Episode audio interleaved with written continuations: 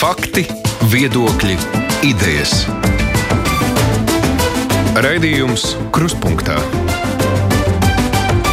ar izpratni par būtisko. Aizsmeļamies studijā. Mums šodien ir amatpersonu stunda. Tātad žurnālistiem, klausītājiem iespēja izvaicāt kādu no uzaicinātajām svarīgajām amatpersonām. Un šodienas viesņas atversmes tiesas priekšsēdētājs Anita Osipova. Labdien jums!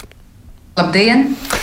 Uh, Satversmes tiesa pēdējā laikā laikam daudz aprunāta, kādiem tās spriedumi ir raisījuši sajūsmu, citiem tieši otrādi pamatīgi trauksmi. Uh, šobrīd laikam uz lēmumiem arī gaida vēl daudzas pašvaldības, kas ir saistīts ar teritoriālo reformu. Par ko tad runāsim šodien, tas nav tik lielā mērā atkarīgs no manis. Es saku, jo jautātāji būs šoreiz klausītāji un mani kolēģi. Žurnālisti šeit raidījumam pieslēgušās ir arī Ines Helman no portāla Latvijas vēstneses. Sveicināti, Ines! Labdien! Un arī Anita Brauna no Latvijas radio pētnieciskās žurnālistikas komandas. Sveika, Anita! Nu, klausītāji, kā parasti, ir aicināti rakstīt savus jautājumus, sūtot mums elektroniski, vislabāk caur mājaslapu raidījumam, krustpunktā. Mēģināšu pacelt, ja būs iespēja kādā brīdī arī klausuli. Telefona numurs 6722, 888, vai arī 672, 559. Es pieļauju, ka diezgan daudz runas būs par jau pasludinātiem spriedumiem, bet, uh, lai mazliet par to aktuālo saprastu, uh, jums ir tātad, kā jūs te sacīja, virkni sūdzību par pašvaldību apvienošanu. Es zinu, ka jūs nevarat komentēt tās lietas, kas ir šobrīd skatīšanā tikai, bet lai vienkārši atgādinātu to būtību. Tātad jūs katru sūdzību, jeb katru lietu skatāt atsevišķi, un katrai šeit pašvaldības sūdzībai ir pilnīgi individualizēta pieeja. Nu, es laikam ar vienu teikumu atbildēt nevarēšu. Jums ir jāsaprot, ka pie mums bija atnākušas 21 pašvaldība no praktiski jā, milzīga daļa, sestā daļa no visām pašvaldībām, kas Latvijā bija uz to brīdi, kad sāka administratīvu teritoriālo reformu. Un pēc 19 pašvaldību pieteikumiem tika ierosinātas lietas. Procesuālās ekonomijas dēļ Mēs, protams, gatavojam atsevišķi katru lietu, bet tad, kad lieta ir sagatavota, mēs viņas liekam kopā un skatām. Un pirmās divas lietas mēs apvienojām un izskatījām publiskajā procesā. Un divas lietas bija Limbaģa pašvaldības pieteikums par to, ka skulti atņēma un pievienoja augrastiem, un Ikšķilas domas eh, pieteikums par to, ka viņi gribētu būt vieni paši, vai arī kopā ar salaspili, ja nevar būt vieni paši, bet negrib būt kopā ar ogri. Pirmajā lietā, kas gāja gari, četras pilnas dienas, jebkurš var ieiet satversmes tiesas mājaslapā un noskatīties tos video ar visām debatēm un pieaicinātajiem ekspertiem, un ekspertu bija ļoti daudz. Un pēc tam, kad tas noslēdzās satversmes tiesai, eh, pirmkārt mums bija 2009. gada reformas uh, viens, neviens viens spriedums, bet tur mēs bijām izstrādājuši metodoloģiju, kā īsti mēs vērtējam līdzīgas lietas. Jo tā nav tā tipiskākā lieta, kad pie mums vēršas pašvaldība par administratīvu teritoriālo reformu. Tā metodoloģija, ko visbiežāk mēs lietojam, ir pamatiesība ierobežojums. Cilvēkam kaut kas ir nodarīts pāri. Un šajās pirmajās apvienotajās lietās mēs izstrādājām metodoloģiju. Ka pirmkārt, mēs vērtējam to, kā ir noticis process un vai pašvaldībai ir ievērots eh, pašvaldības tiesības tikt uzklausītai vai viņi ir informēti, vai ar viņu ir tikušies. Vai novada doma ir rīkojusi aptauju, un aptaujas rezultāti ir bijuši zināmi likumdevējam. Skrupulozi par katru pašvaldību. Pirmajā spriedumā tas ir izvērtēts.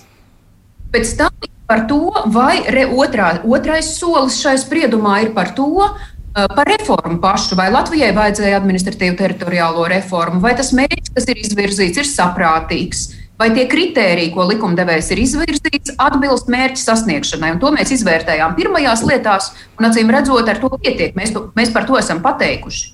Un tad mēs skatāmies, kā uz to reformas mērķi un tiem kritērijiem atbilst tās pašvaldības, kuras pie mums ir atnākušas. Tātad, vai tas mērķis tiek sasniegts, vai tie kritēriji ir ievēroti. Ja ir ievēroti, viss ir tiesiski, ja nav ievēroti, likumdevējs ir rīkojies patvaļīgi. Attiecībā uz izšķilu mēs konstatējam, ka likumdevēja izvirzītais mērķis tiek sasniegts, kritēriji ir ievēroti. Savukārt, attiecībā uz skultas nodalīšanu, pievienojot saukrastiem, kas nav reģionālās attīstības centrs, mēs secinājām, ka reformas kritērija un mērķi nav ievēroti, un tāpēc tur bija neatbilstība. Šobrīd izskatīšanā ir uh, viena cita liela lieta apvienota, kurai spriedums būs 28. maijā. Un šajā lietā tiek vērtēti Varakļāni, Inču kalns un Garkalni. Visas pārējās tātad, šīs lietas izskatīt, visu tātad apvainojos, tātad pārējās visas pašvaldības ir apvienotas vienā lielā lietā, kura startē 25. maijā. Un ap jāņem attiecīgi būs nolēmums. Bet jums ir jāsaprot, ka katrā no šīm pirmajām lietām mēs izskatām kritērijus, kuri tālāk citās lietās ir izmantojami. Okay. Tas nozīmē, ka kaut kas apvienots un kaut kas tā kā kopā līdz ar to. Bet vērt, jā, viņas ir apvienotas, jo saprotiet, mēs eh, pāris gadus ņemtos tikai ar pašvaldību lietu. Mm. 19 lietas ir gandrīz vai tik, cik uh, satversmes tiesa izskata gadā. 25, 30 lietas mēs izskatām gadā vidēji. Bet tas sanāk, ka tas viens spriedums ir pirms vēlēšanām, un otrs ir pēc vēlēšanām jau. Pēdējais būs pēc vēlēšanām. Mm -hmm. Kas notiek situācijā? Es, es nezinu, protams, vai jūs to atbildat, kas notiek situācijā, ja pēc vēlēšanām jau jūsu spriedums ir negatīvs, tad tie vēlēšana rezultāti netiek ņemt vērā vairs? Jums ir jāsaprot, ka atkārtotas vēlēšanas nav nekas Latvijā nebijis. Okay. Un arī nebijis. Atcerieties, bija tas korupcijas skandāls par pirktajām balsīm dažās pašvaldībās. Un pēc tam bija atkārtotas vēlēšanas. Okay. Labi. Viss atbildīs, un nekādu atkārtotu vēlēšanu rīkošanu nebūs vajadzīga. Tāda nebūs vajadzīga, jā, savukārt. Labi. Paldies, kolēģi, iespējams jautāt. Es arī lūdzu par to pašvaldību reformu, bet tomēr no tām pašvaldībām svarīgi termiņi, līdz kuram tās lietas būtu jāizskata, piemēram, līdz pašvaldību vēlēšanām. Jo nu, pēc tam jūs man sakat, ka varētu būt atkārtotas tās pašvaldību vēlēšanas, bet tomēr nu, tās pašvaldības gaida to lēmumu pēc iespējas ātrāk. Vai, lūd, vai nav tādu resursu, lai ātrāk izskatītu tās lietas, kas ir ļoti, ļoti steidzamas un kurā, kuras ir saistītas ar kaut kādiem noteiktiem termiņiem? Nu, kā pašvaldība? Ļoti labs jautājums. Satversmes tiesai ir, e, nav prioritāro lietu vai, vai kārtējo lietu. Satversmes tiesas likums mums nosaka visus soļus vienādi. Tā tad atnāk pieteikums mēneša laikā. Mums ir jāsagatavo atbildi, vai ierosina lietu vai neierosina. Pēc tam mēs tradicionāli dodam normas izdevējam divus mēnešus laikus atbildēji. Pēc tam tiek gatavota lieta. Un jūs redzat, ka jau tie mēneši krājās. Un pašvaldības pie mums atnāca ar astoņu mēnešu nobīdi, pirmās no pēdējām. Un mēs jau tā esam ieguldījuši visas pūles, un šīs pēdējās lietas, kas ir pievienotas otrajai lietai, viņām sagatavotām vajadzētu un uz izskatīšanu iet tikai rudenī.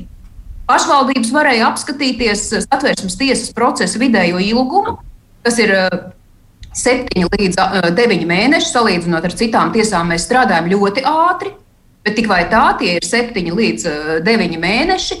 Un, ja nebūtu šis milzīgais izkaisījums pa visu gadu no pirmajām pašvaldībām, kas nāca kā, kā limbaži un, un ikšķila praktiski uzreiz, līdz tām pēdējām, kuras nāk tikai decembrī, janvārī, tad arī satversmes tiesa būtu pabeigusi to visu izspriest līdz pašvaldību vēlēšanām.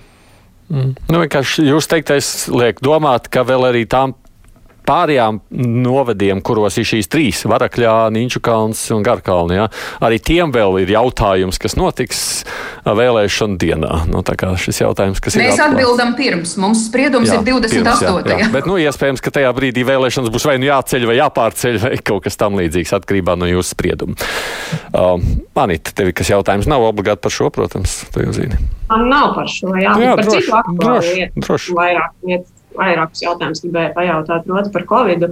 Latvijā ir gana daudz cilvēku, kuri uzskata, ka pandēmijā ieviestie ierobežojumi pārkāpj viņu um, brīvības un uh, cilvēktiesības. Un diezgan daudz uzņēmēju arī ir vērsušies satversmes tiesā ar prasībām, jo uzskata, ka tas, ka viņi nedrīkst savu biznesu nodarboties, ir satversmes pārkāpums. Vai ir kāds pamats uzskatām, ka pandēmijas ierobežojumi pārkāpjas satversmi vai cilvēktiesības. Nu, ir pamats, jo ir jau pirmais spriedums, kur ir pateikts, ka viņi ir bijuši nepamatoti. Tas par online azartu. Jau, jā, jā, jā, jā, jautājums ir ļoti plašs. Līdz Varu pateikt precīzi, man šodien cilvēki apskatījās, līdz 21. gada 13. maijam mēs esam saņēmuši 30 ar covid saistītus pieteikumus, kas patiesībā nav daudz. 30 pieteikumi. 29 bija konstitucionālās sūdzības, tātad nāk cilvēki vai nāk juridiskās personas. Tātad visi šie komersanti, tās ir juridiskās personas, kuras ir vērsušās ar konstitucionālajām sūdzībām. Trīs no tiem 29 ir kolektīvie pieteikumi, tātad vairākas personas apvienojušās. Un viens ir pašvaldības domes pieteikums par to, ka, par to kārtību, kādā valsts sniedz aizdevumu pašvaldībām ārkārtējās situācijas laikā. Pēc sešiem pieteikumiem tika ierosinātas lietas. Visas, kas ir ierosinātas sākotnēji un izspriestas, ir par azartspēļu ierobežojumiem. Un tur satversmes tiesa vērtēja, cik pamatoti ir Covid laikā ierobežot azartspēles pirmkārt klātienē, azartspēļu zālēs, otrkārt internetā, proti, interaktīvajā vidē, neklātienē. Un satversmes tiesa secināja, ka klātienē tiešām šajās azartspēļu zālēs ierobežojums ir pamatots, jo tas ir saistīts ar Covid. Cilvēki nepulcējās ilgstoši, neuzturās. Savukārt šis aizliegums, kas ir saistīts ar uh, interaktīvo, ar spēlēšanu datorā, Tas nav saistīts tieši ar Covid. Tas skar cilvēka privātu autonomiju, un tātad pie Covid ierobežojumiem viņu likt klāt īsti nav korekti. Un šeit satversmes tiesa tātad atzina neatbilstību. Ļoti interesanta lieta būs 21, tātad 24. martā ierosināta, kura joprojām tiek gatavota. Persona vērsās satversmes tiesā, ka viņa neti, nevar ieceļot Latvijā bez Covid testa. Viņa ir Latvijas pilsone, Bet bez šī testa viņa nevar ieceļot Latvijā. Viņa vispār neielaiž lidmašīnā, kas jau ir Latvijas teritorija. Un uh, tas ir interesants spriedums, būs interesants spriedums. Es neko plašāk nestāstīšu, bet jums ir jāsaprot, ka pilsonības valsts un pilsonis tas ir ļoti ciešas juridiskas saites. Valsts nedrīkst izraidīt pilsoni no, no, no savas teritorijas. Valsts nedrīkst liekt atgriezties pilsonim pilsonības valstī. Vai šeit šis pamatojums ar šo sabiedrības drošību un ārkārtas situāciju būs pietiekams, redzēsim. Lieta ir sagatavošanā. Mēs pat vēl neesam atbildes rakstu saņēmuši, un, un, un tas būs tātad uz rudeni, uz ziemu šis spriedums būs.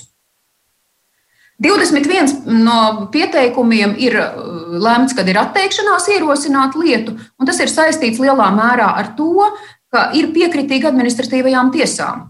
Un šobrīd pie mums arī vairāk nenāk par virkni ierobežojumu, kas ir noteikti ar ministra kabineta noteikumiem, tāpēc, ka šie cilvēki dodas uz administratīvajām tiesām.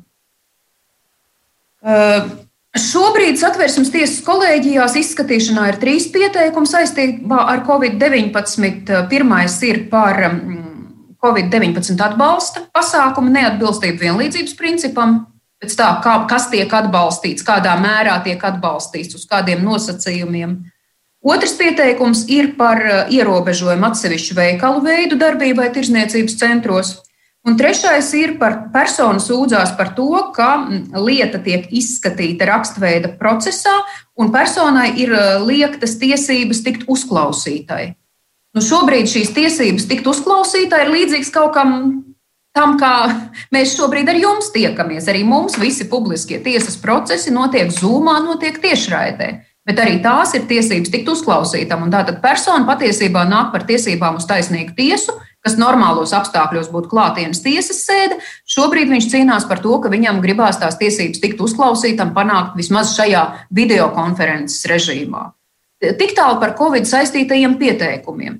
Pieteikumu skaits ir salīdzinoši mazs. Pirmkārt, tāpēc, ka mēs ar pirmajiem šiem kolēģijas atteikumiem daļu novirzījām uz administratīvajām tiesām, taču jums ir jāsaprot, ka jebkurai uh, krīzei sekas iestājās ilgtermiņā. Ļoti daudzas sekas par ierobežojumiem cilvēki sajutīs pēc kaut kāda laika. Varbūt ierobežojumi būs atcelti. Un, piemēram, kad bija ekonomiskā krīze 2008. un 2009. gads, tad tas pīķis ar ierosinātajām lietām ir pāris gadus vēlāk kad cilvēki nāk uz satversmes tiesu. Jā, otrs ir vēl viena lieta, kas ir saistīta ar covid ierobežojumiem. Cik tiesiski un efektīvi valsts izies no šīs ierobežojuma fāzes, un cik tālu personām saulēcīgi tiek atgrieztas tās brīvības un tiesības, kas bija pirms ierobežojumiem. Arī šeit satversmes tiesa pēc iepriekšējās ekonomiskās krīzes vēl piecus līdz septiņus gadus vēlāk vērtēja krīzes risinājumus, kuri nebija pagrozīti. Bija ielikts likumā kaut kas, ko uzskatīja par pieņemamu ekonomiskās krīzes laikā, bet šis pagaidu risinājums bija palicis vēl daudzus gadus pēc tam, viņš netika pārskatīts. Nu, piemēram, arī pagājušajā gadā vasarā, kad bija tiesības sargs par visiem iztikas, garantētais iztikas minimums un vēl virkne citu lietu, lielā mērā iztikas minimums tika noteikts iepriekšējās krīzes laikā, un viņš netika pārskatīts 12 gadus. Arī šeit mēs varam teikt, ka pagājušā gada vasaras spriedumi un vēlākie, kur bija tiesības sargs par to, kas ir trūcīga persona un kāds pienākās atbalsts no valsts, Šis risinājums bija eh, veidots eh, krīzes laikā, un viņš netika pārskatīts pēc tam gadiem ilgi. Tā kā arī pēc Covid krīzes mēs varam skatīties līdzi tam, kā personām tiek atjaunotas viņu tiesības un brīvības. Bet precizējot vēl eh, tas, ja valdība pēc tam saima, piemēram, aizliedz Covid laikā kafejnīcai darboties vai grāmatas tirgot vai, vai kaut ko tam līdzīgu, vai tas ir satversmes tiesas jautājums, vai tas nav. Vai tur ir pamats? Ministra kabineta noteikumiem tas ir administratīvās tiesas jautājums. Azartspēles bija satversmes tiesā, tāpēc, ka tas bija likums. Daļēji papildinot, un tas nebija nemaz tas priekšlikums, ar kuru ministra kabinets bija devies uz saimu. Tās interaktīvās azartspēles bija ieviestas tieši saimā kā papildinājums, jo ministra kabinets aicināja aizvērt tikai azartspēļu zāles. Mm. Administratīvās tiesas vērtē arī ministra kabineta noteikumu atbilstību likumam. Vai par šo tēmu vēl ir, vai ejam uz citiem jautājumiem? Man druskuļi saistīts ir. Um, Ines, Ines, varbūt gribēja ko? Tu gribēji par šo tieši prasīt, jā? Jā, es, es gribēju mazliet plašāk. Man, man, man ir interesanti, man šķiet svarīgi tie, tas laiks, kurā kaut ko izskata un tie termiņi.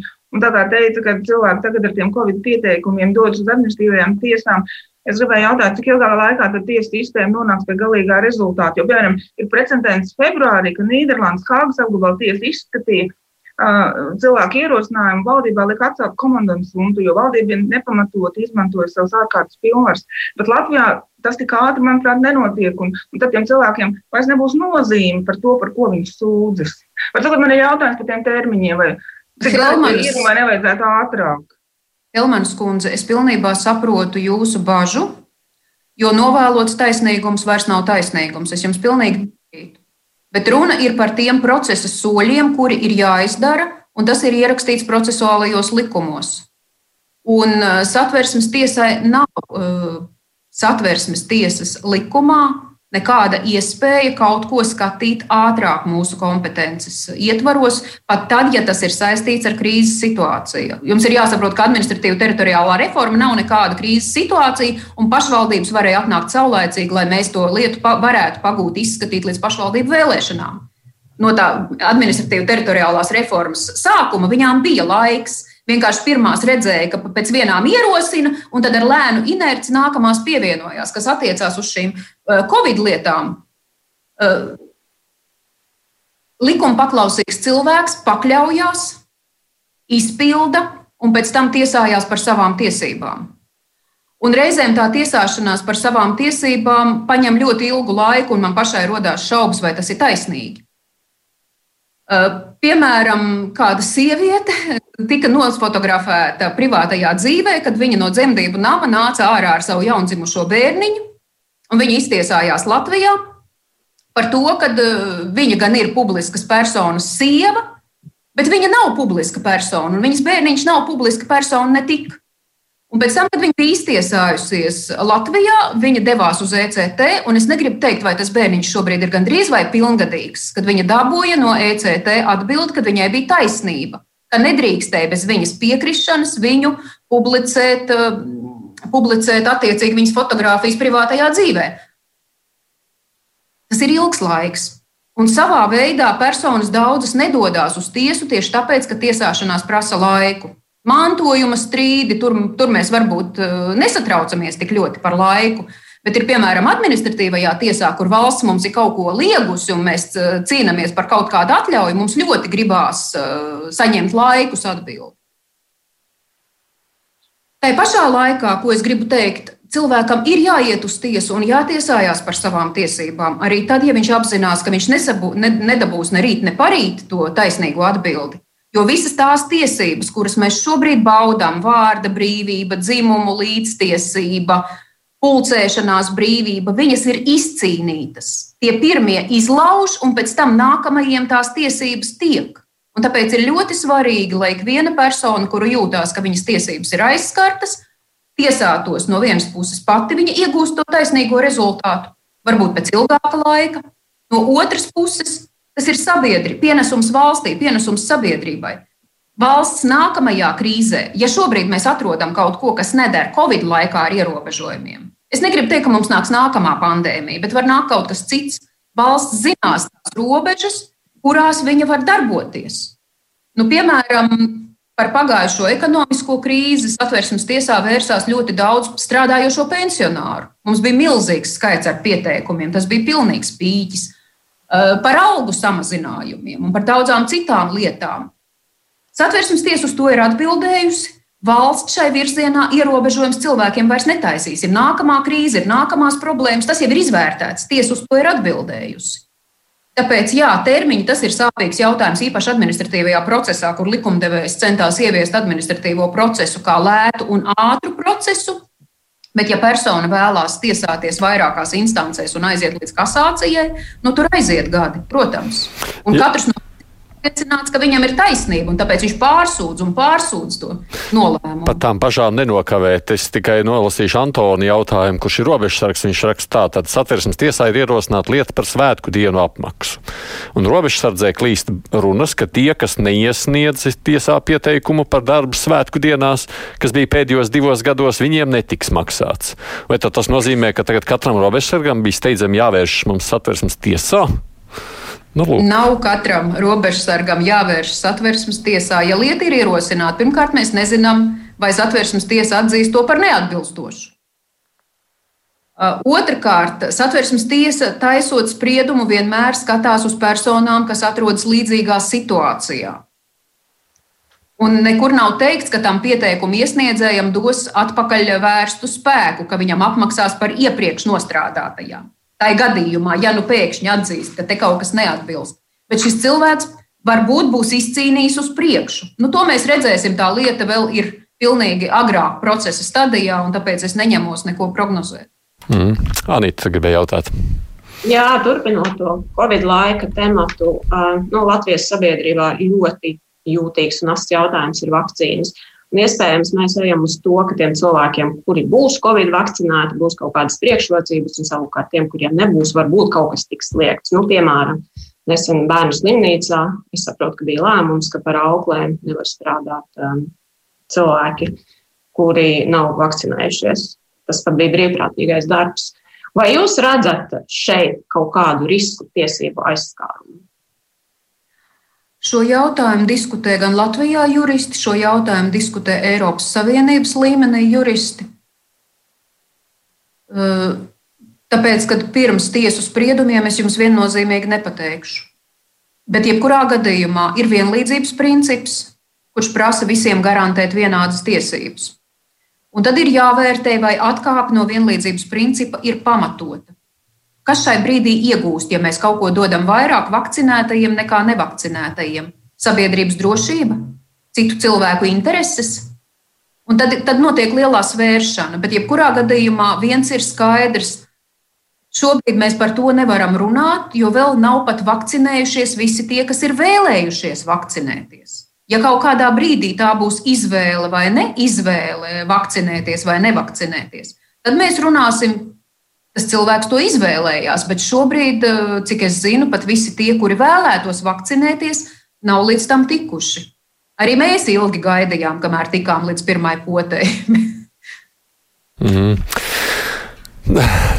Tā, droši vien, ka vispirms atgādināšu, un tad lasīšu klausītāju jautājumu. Sanita Osipova ir satversmes tiesas priekšsēdētāja, tā ir iespēja mums šeit viņu izveicāt. Mums ir divi kolēģi, žurnālisti, Ines Helman no portāla Latvijas vēstnes, Sanita Brauna, Latvijas radio pētnieciskā žurnālistikas komanda. Raidījums Krustpunktā. Nu, spiedums, kurš skaidrs, ka tiks šodien aprunāts, tas ir ar jūsu lemto vēl gada nogalē. Es nolasīšu tā, kā to raksta Liana Langa. Pieļauju, ka Latvijas pilsoņi vēlētos plašāku Osipovas kundzes skaidrojumu par 12. novembra tiesas spriedumā pastulētajam. Proti, viens no personas privātās dzīves elementiem ir tās dzimuma uzvedība. Personas uz, dzimuma uzvedības brīvība ir aizsargājama neatkarīgi no tā, kādā formātā izpaužas vai kāda ir personas seksuālā orientācija. Citādi beigas. Man ir lūgums komentēt šo tēzi no tiesas spriedumu un atbildēt uz jautājumu, vai jūs paredzat, ka tuvākajā nākotnē tad jau Latvijas valsts ar cieņu varēs izturēties arī pret poliamoru attiecību reģistrāciju, pielīdzināšanu laulībai un ģimenei. Šiem klausītājiem jāpaskaidro poliomoru tad, tad ar vairākiem partneriem. Ko jūs atbildēsiet, Langas kundze? Es jums daudz vairāk nepastāstīšu, kā ir bijis spriedumā. Man viedokli es nevaru teikt. Mans viedoklis, tāpēc, ka eh, ļoti, pie mums nāk ļoti daudz un dažādi jautājumi satversmes tiesu. Bet pirmkārt, personai, lai viņa vērstos satversmes tiesā, ir jāpaskaidro, ka viņai šādas tiesības no satversmes izriet un ka valsts viņai šīs tiesības ir liegusi. Tātad, lai uzrakstītu konstitucionālo sūdzību par vairāk sievību vai vairāk vīrību, tas būtu ļoti sarežģīti. Bet, ja uzrakstīs, mēs vērtēsim. Bet, jebkurā gadījumā, vai valsts šobrīd uh, Latvijā liedz cilvēkam būt dzimumsakaros ar vairākiem partneriem? Uh, man kādreiz gadus 11 atpakaļ šokēja antropologa ķīļa izteikums, ka mums vairs nav monogāmija, ka mums ir seriālā poligāmija. Tāpēc, ka apprecās ar vienu, rada bērnus, ir vīra māte, vīra tēvs, izšķirās, apprecās ar nākamo, rada bērnus, ir nākamais vīra māte, vīra tēvs, bērni ir pusbrāļi, pirma, pusmāsas pirmajiem. Tādā veidā mēs pa dzīvi ejam, daudzi apmainot trīs, četrus un varbūt pat vairākus partnerus vai mums vairs ir šī klasiskā monogāmija, kāda bija 19. gadsimtā, kad ārlaulības bērns bija aizliegts. Ārlaulības dzimuma sakari bija aizliegti, katoļu baznīca laulību šķirt neļāva, pārējās laulība bija tikai baznīcas, un pārējās laulības šķiršana bija ļoti apgrūtināta, jo kāpēc tad Aspāzijas atversmes sapulcē iestājās par šo likumu par laulību un par brīvībām šķirt laulību? Tāpēc, ka viņa pati bija savā laikā gājusi cauri šim baznīcas laulības šķiršanas procesam. Cilvēkam privātā dzīve nozīmē arī izvēli savā dzimuma uzvedībā. Un satversme to pilnīgi noteikti garantē. Brīvība dzimuma uzvedībā nozīmē to, ka valsts tur nedrīkst iejaukties. Kaut kas pilnīgi cits ir jau 110. pants, kur mēs secinām, ka ir izveidojusies ģimene. Un satversmes tiesa ir pētījusi ģimenes attiecības ne tikai saistībā ar homoseksuāliem pāriem. Piedodiet, mūsu valsts eh, ģimenes attiecības eh, problēmas pie mums cilvēki ir nesuši arī saistībā ar citām lietām. Piemēram, vīrietis ir apprecējies ar sievieti. Gadiem audzina viņas bērnus kā savus bērnus. Faktiski viņš emocionāli, faktiski, materiāli ir šo bērnu tēvs, bet valsts viņam neļauj viņus adoptēt. Kāpēc? Tāpēc ka viņš pagātnē ir sodīts par kādu noziegumu. Faktiski viņš ir šo bērnu tēvs, bet valsts viņam neļauj adoptēt. Tātad pāris gadus atpakaļ satversmes tiesa vērtēja šādu jautājumu. Satversmes tiesai nākās saskarties diezgan daudz ar eh, ģimenes tiesībām saistītiem jautājumiem. Eh, jā, un satversmes tiesas spriedumos ir daudz un dažādas atbildes uz šiem jautājumiem. Tā ka, ja mūsu priekšā šādi jautājumi nesīs, mēs vērtēsim. Mm. Kā jūs vērtējat eh, mēģinājumus grozīt satversmi, lai nu, faktiski tajā noteiktu, ka ne tikai laulība, bet arī ģimene ir iespējama tikai tur, kur ir sieviete un vīrietis?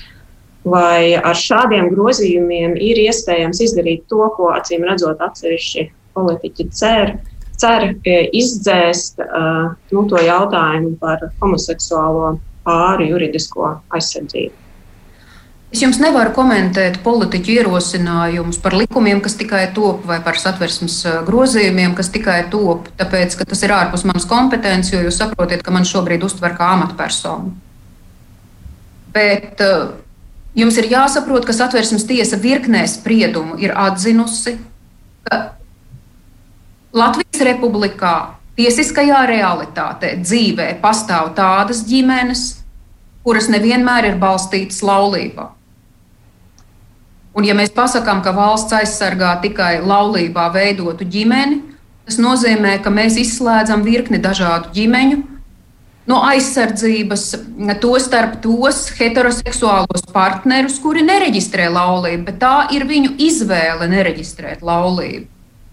Vai tāpēc valsts viņus neaizsargā, vai to, piemēram, vecmāmiņu, kas audzina savus mazbērnus, Nu, mums tie modeļi, kādi ir, un arī satversmes tiesa ir redzējusi, jo cilvēki nāk ar šīm konstitucionālajām sūdzībām, šo ģimeņu modeļi ir ļoti daudz un dažādi. Man ir skumji teikt, bet Latvijā ļoti daudz, tātad mums vajag apskatīties, cik procenti bērnu dzimst vecākiem, kuri nav savstarpēji reģistrējuši laulību mūsu valstī. Es nesaku, ka tā ir puse, bet tas ir ievērojams skaits ar bērniem. Cik daudz Latvijas republikā ir tādu bērnu, kuriem dzimšanas apliecībā nav norādīts tēvs? Tas nozīmē, ka audzina viena māte šo bērnu. Ģimenes ir daudz un dažādas. Šeit varbūt tāda maza replika tikai no šodienas statistikas, ko es redzēju. To tradicionālo mūsu izpratnē ģimeņu, kurā ir tēvs, māte un bērni, kas ir kopā laulībā, ir 16,2% no visām ģimenēm. Visas pārējās ir citādāk, un tas, kur audzina viena, viens no partneriem, visticamāk, māte, bērns, tie ir nu, gan nu, dubultā nebija, bet krietni vairāk pār par 20%. Līdz ar to to ģimeņi ir vairāk nekā parasto ģimeņu. Nu, tāda tā ir. Labi, tā bija tikai replika no manas puses, piedodiet, kas jūs pārtrauc. Paldies, ka jūs bagātinājāt ar faktiem. es pats lasīju viņus tikai šodien tieši tā. Uh, jā, bet te varbūt, ja no šajā skatu punktā lūkojas, tad te klausītājs Viktors prasa, bet tas uzņemtais kurs, ja mēs pilnībā vienādojam vienzimumu pāru attiecības ar abu dzimumu laulībām, vai tas ir pareizs? Varbūt, ka var vienkārši nodrošināt atsevišķas svarīgas tiesības un nemēģināt visu vienādot. Nu, tāds tas ir. Paldies! Šis jautājums noteikti ir no tā, ka satversmes tiesas spriedums varbūt ir pārprasts. Satversmes tiesa nesaka, ka vienzimumu partneriem pienāks laulība. Tieši otrādi - satversmes tiesa spriedumā nošķir laulību, ko likumdevējs ir definējis, tā ir starp vīrieti un sievieti no ģimenes. Viņu ģimenei pienākas tiesiskā aizsardzība. Bet, lai dotu tiesisko aizsardzību, vispirms viņiem ir jātiek kaut kādā veidā reģistrētiem. Dažādas valstis izvēlās dažādus modeļus, kā reģistrēt. Vācija, piemēram, 90. gadu beigās jau ieviesa partnerattiecības. Un tad pēc 20 gadiem izdomāja, ka varētu būt laulība. Un šobrīd Vācijā homoseksuāli pārisniedz slēdz laulību.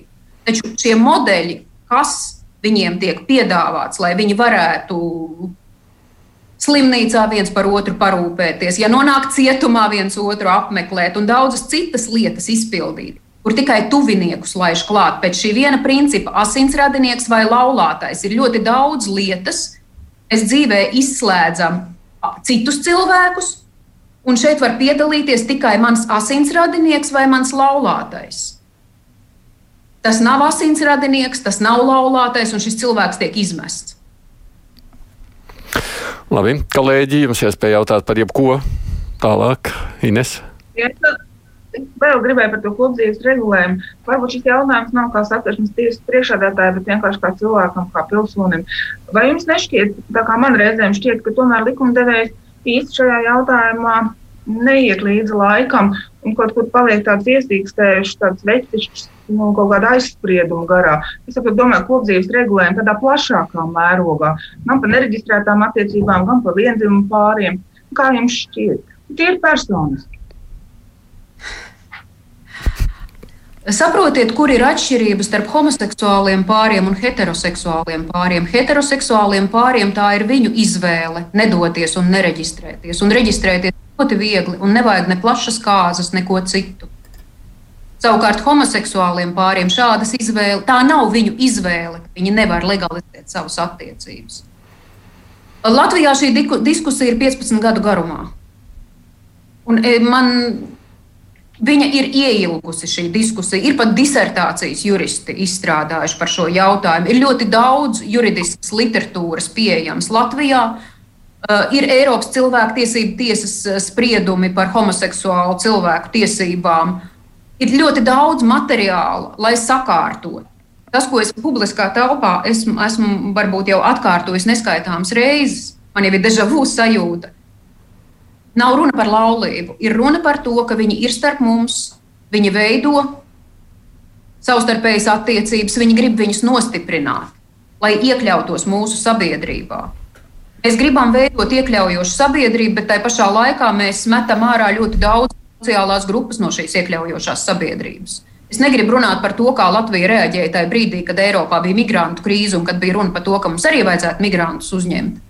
Uh, es publiskā telpā pēdējā mēneša laikā esmu ietvaros divās konferencēs runājis par to, ka mēs sodītas personas metam ārā no savas iekļaujošās sabiedrības. Mēs ļoti daudzus metam ārā no savas iekļaujošās sabiedrības. Un tad, piedodiet, kas tad mēs pāri te paliekam normālie, cik tad mūsu vairs ir šajos nepilnējos divos miljonos cilvēku, cik tad mēs esam tie pāri palikušie, kas atbilst etalonam. Varbūt tad es nolasīšu Ilas rakstīto un jautājumu. Viņa rakstā jautājumu Ospavas kundzei. Vispirms paldies jums par darbu, it īpaši to, ko jūs darāt šajās ģimenes jautājumos. Un šajā nolēmuma sakarā taču tiesa saņēmusi arī asu politiķu, konservatīvo politiķu kritiku, raisot pat diskusiju par tiesas reformēšanu vispār. Vai jūs un jūs kolēģi izjūtat spiedienu no politiķiem, vai jūs esat saņēmuši tādus signālus, ka līdz ar to pēc jūsu spriedumiem satversmes tiesu varētu reformēt vai apvienot? Paldies, ļoti labs jautājums.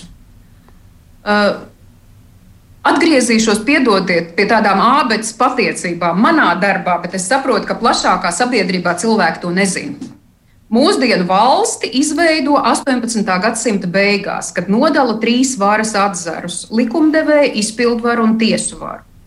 Un amerikāņu konstitūcija ir pirmā, kur tas tiek izdarīts. Un šai amerikāņu konstitūcijā, uh, kāpēc vispār vara ir jādala? Tāpēc, ka demokrātija savādāk īstenot nevar, lai nebūtu patvaļa, lai būtu garantēta cilvēka brīvība.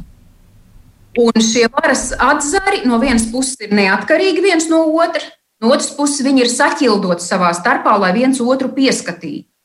Un tāpēc šī pretim stāvēšana starp uh, likumdevēju un tiesu ir normāla. Jums ir jāsaprot, ka politiķi ir gribējuši kādu jautājumu regulēt ar likumu, satversmes tiesa pasaka, nedara. Tātad jau mums ir tā ķilda izveidota.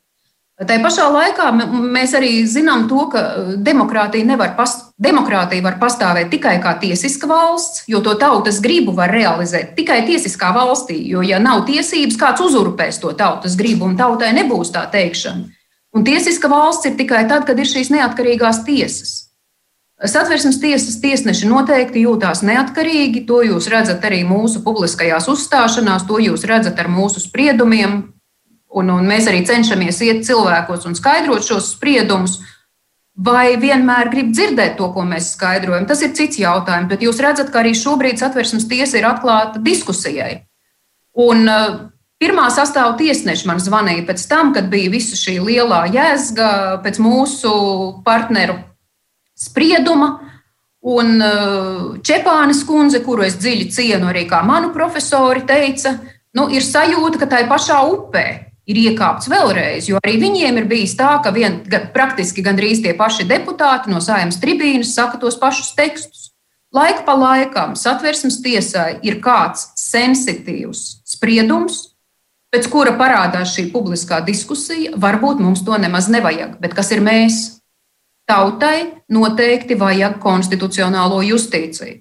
Konstitucionālā justīcija var būt divās formās. Var būt atsevišķa tiesa, kā tas ir lielākā daļā mm, kontinentālās Eiropas valstu, un ir skandināvu modelis, kuram ir pieslējušies arī Igaunija, un kurš patiesībā izveidojās pirmais. Amerikas Savienoto Valstu tiesa bija pirmā, kura uzņēmās konstitucionālās eh, tiesas justīcijas lomu, jo vienā brīdī viņi redz, ka likumdevējs iet pretim konstitūcijai, un likumdevējs viņiem vispār nepiešķīra konstitucionālo justīciju.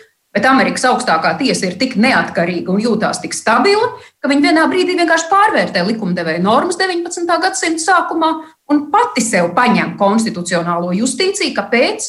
Tāpēc, ka taisnīgumam valstī ir jābūt. Brīvībai ikvienai personai valstī ir jābūt. Tā ka neatkarīgi no tā, kādā modelī ikvienā demokrātiskā valstī ir konstitucionālā justīcija. Man ir jautājums, kas ir saistīts ar šo, kad Saima debatēja par Anitas Rodiņas apstiprināšanu satversmes tiesas tiesneša amatā. Tad bija atsevišķi politiskie spēki, kuri uzsvēra, ka satversmes tiesas tiesnesim ir jāatbilst noteiktiem ideoloģiskajiem kritērijiem, noteiktām vērtībām, tika lietots jēdziens jābūt lojāliem Kādas sajūtas un pārdomas jums izraisīja šāda vīzija, ka mums satversmes tiesas tiesnešus būtu jāizvēlās pēc ideoloģiskiem kritērijiem? vai jūs redzat kādu bīstamību? Nezinu, kāds ir process, un process parlamentā nevar būt savādāks kā tikai politisks. Un ir skaidrs, ka politiskie spēki meklē sa, pēc saviem ieskatiem to ideālo tiesnesi. Parlamentā process vispār nevar būt, saimā process nevar būt savādāk kā politisks. Tā pašā laikā jums ir jāsaprot, ka gala rezultātam ir jābūt apolitiskam. Te ir tas fantastiskais, gan arī kā Jēzus ņem ūdeni un pārvērš vīnā. Process, tātad tiesneši tiek izvēlēti politiskā procesā. Ir tie trīs tiesneši, ko virza saima, divi tiesneši, ko virza ministru kabinets. Apolitiskāki tiesneši noteikti nāk no tiesu varas. Divi no mūsu tiesnešiem nāk no tiesu, tiesu varas, tiesneši no sava vidus izvēlās divus kandidātus un uz desmit gadiem deliģē strādās atversmes tiesā. Bet eh, tiesnesis nedrīkst būt politiskās partijas biedrs. Latvijas eh, republikā ir satversmes tiesas spriedums. Bija eh, tiesnesis kolēģis, kurš atnāca un teica, ka nu nav pamata ierobežot tiesnešu politiskās tiesības un ka vajadzētu ļaut tiesnesim būt politiskās partijas biedram. Satversmes tiesa gadus astoņus atpakaļ, ja nemaldos, izsprieda, tiesnesis nedrīkst būt politiskās partijas biedrs. Ne tikai tāpēc, ka politiskā partija varētu attiecīgi viņu ietekmēt, bet tāpēc, ka tiesnesim ir jābūt objektīvam un neitrālam. Kādu es gribētu redzēt tiesnesi? Pilsoniski drosmīgu, gudru, pieredzējušu, tādu, kurš arī apzinās savu spriedumu sekas un strādā nevis matemātiski piemērojot tiesību normas, bet redzot arī cilvēkus un iesaist, visu šo iesaistīto daudzu saskaitāmo summu, kas ir jā, izskatāmajā lietā jāvērtē. No cilvēku puses Zeltiņas kundze raksta šādi. Mazliet garāk vēstulītes nolasīšu. 19. gadā tiesa nolēma atdot man, ka apsūdzētiem man jādod ir viņa izkrāptā nauda, manā gadījumā pār 7000 eiro. Procesa izmeklēšana notika sešus gadus, process ilga pār pa diviem gadiem. Apsūdzētais arī pēc tiesas sprēduma nav man atdevis ne centa. Tiesa izpildītājs man saka, ka 99,9% es naudu nedabūšu, jo apsūdzētā kontā nauda neienāk. Šis apsūdzētais ir 54 gadu vecs vīrietis ar divām augstākām izglītībām, tajā starpā juridiskā. Likumdošanai tā tad nav instrumenti, kā piespiest pārkāpējiem atdot man kā cietušam likumīgi pienākušos naudu, ko tiesa ir piespriedusi. Šeit ir tiesība pārkāpums vai nav, un ko darīt tādai Līvijai? Es nedomāju, ka šī kundze ir vienīgā. Es zinu, ka daudzas mātes arī saviem bērniem uztur līdzekļus nevar piedzīt, un arī valsts ar dažādiem instrumentiem cīnās pret tiem uztur līdzekļu parādniekiem. Atcerieties, viņiem neļauj medīt, tur, tur ieroču nēsāšanas atļaujas un ko tur vēl visu ierobežo. Tā ir problēma mūsu valstī, bet piedodiet, es šīs problēmas saknes redzu tajā, ka cilvēks var strādāt un saņemt naudu Un vienlaicīgi valsts uh, neredz, ka viņš saņem naudu, viņa neienāk kontā, un viņš gan uh, tātad nemaksā savus parādus, kuri ir privātpersonām, bet vienlaicīgi valsts arī nodokļus nesaņem. Un, protams, ka šis nav satversmes tiesas jautājums, bet šis ir par sistēmas sakārtošanu. Un arī runājot par trūcīgajiem, kad es eju pa Rīgas ielām un redzu mašīnas un cilvēkus, kas ir ģērbušies labi, un arī braucu pa reģioniem un redzu nesliktāku ainu, Eh, tad man ir grūti saprast ar tiem procentiem, kas pie mums dzīvo no minimālās algas. Tāds skats ielās nevarētu būt. Es neapšaubu to, ka Latvijā ir daudz trūcīgu cilvēku. Bet vai visi tie, kurus, kuri pēc valsts papīriem ir trūcīgi, kā šis 54 gadus vecais cilvēks, kur kontā nekas neienāk, varbūt viņš vēl pabalstus saņem, tāpēc ka viņa kontā nekas neienāk, vai negarantēto iztiks eh, minimumu pabalstu viņš varētu saņemt.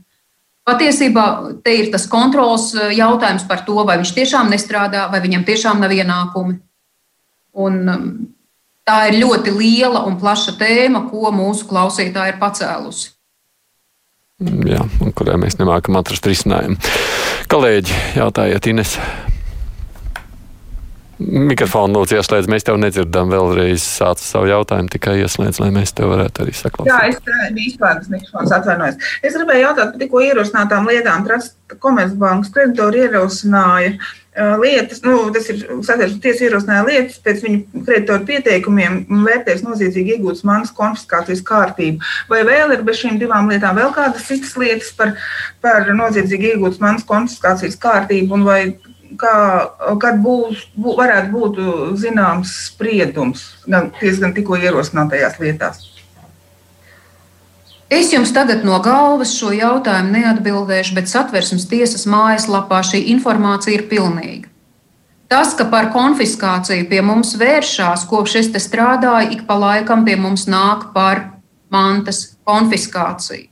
Un šis jautājums Latvijā ir regulēts varbūt striktāk nekā citās valstīs, jo mums ir gan pamatsots, gan papildsots mantas konfiskācija, un eh, to, cik ilgā laikā tas tiks izskatīts, nu, no kopējās lietu virzības satversmes tiesā no ierosināšanas aiziet 7, 8 mēneši. Ja, bet satversmes tiesas mājaslapā tas viss ir pieejams par visām jaunākajām lietām.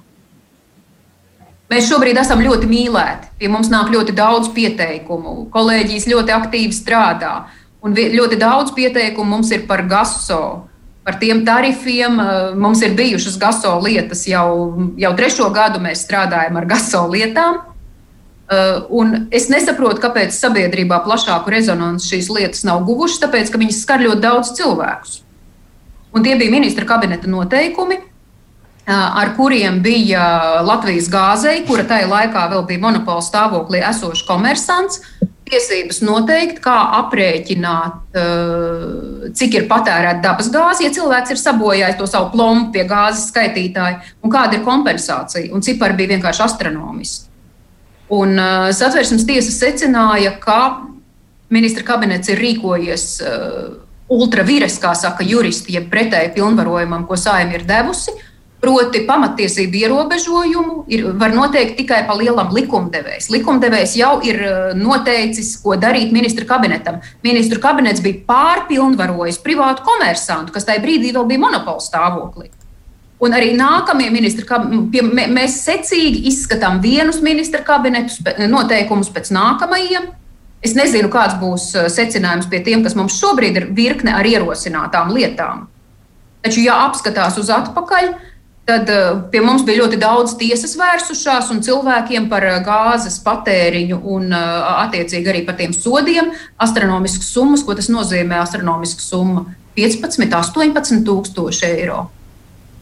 Es nezinu, cik gāzes ir jāpatērē, lai par šādu summu patērētu, cik privāti mājas par to varētu tikt apkurinātas. Jā, bet par šādām summām bija runa. Tā ka mums atkal ir virkne, virkne no pieteikumiem, kas šobrīd ienāk un ir ierosinātas lietas. Ja jūs sekojat līdzi satversmes tiesas mājaslapā, tās atkal ir par gāzes tarifiem un, un, un par aprēķināšanu. Mm.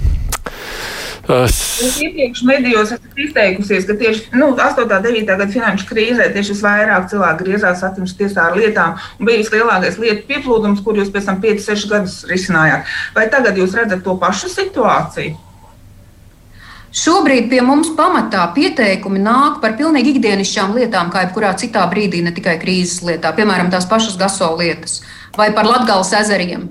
Tas ir vispār 90.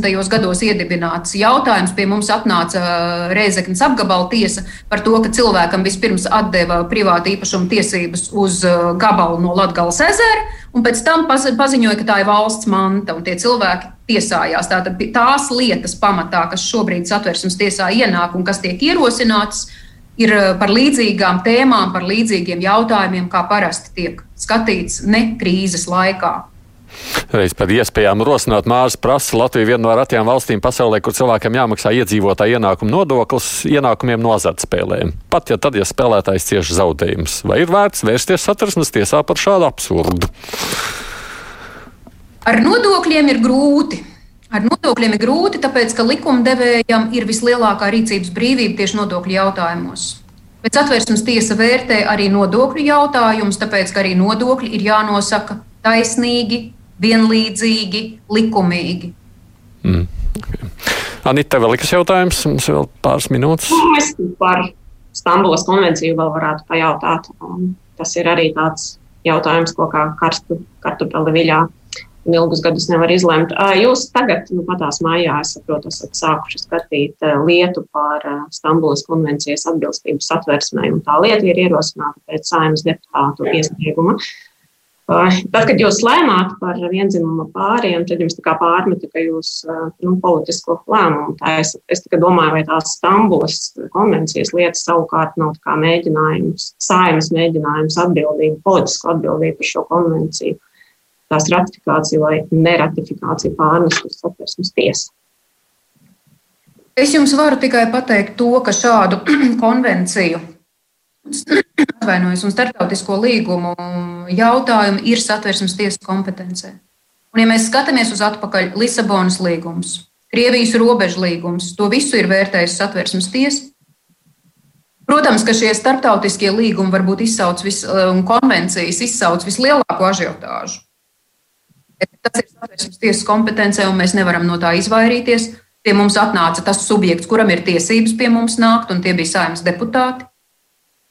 Un uh, pēc pāris nedēļām, es rēķinu, apmēram pēc trim nedēļām, satversmes tiesas spriedums būs publicēts. Visi varēs iepazīties. Itin drīz jau. Nu, man ir viena minūte, ja tev ir kas ļoti īss jautājums. Jā, man ļoti īsts un politiķu replikas, kas satversmes tiesu vajadzētu likvidēt. Ko jūs atbildētu uz šādu repliku? Nu, ko es varu teikt? Arī politiķi pie mums nāk. Pie mums regulāri saimas deputāti. Pa lielam tā ir, ir uh, saimas mazākuma, jeb opozīcijas instruments, lai pārvērtētu vēlreiz pozīcijas jautājumu, bet pie mums arī individuāli vēršās saimas deputāti. Tā kā saimnes deputātu uzticību satversmes tiesai mēs varam arī pētīt pēc tā, cik bieži Uh, deputāti vēršās tiesā. Viņiem nebūs kur nākt vairs, ja nolikvidēs jūs vai ne. Nu, labi, es jums saku paldies par veltīto laiku šodien, un arī klausītājiem par to, ko viņi rakstīja. Protams, tie ir arī komentāri, visus es nelasīju, tajā skaitā arī kādi komentāri, kas ir veltīti man, bet Sanītai Osipovai, kas ir satversmes tiesas priekšādātājs, saku paldies par veltīto laiku. Tāpat tās, kā saka arī saviem kolēģiem Inesē Helmanē no portāla Latvijas vēstneses un Anitai Braunē no Latvijas radio pētnieciskā žurnālistikas komandas. Paldies jums! Bet tā kruspunktā gan šodien izskan producents, mums ir Revija un Ām, un studijā biju es, Aidis Tomsons.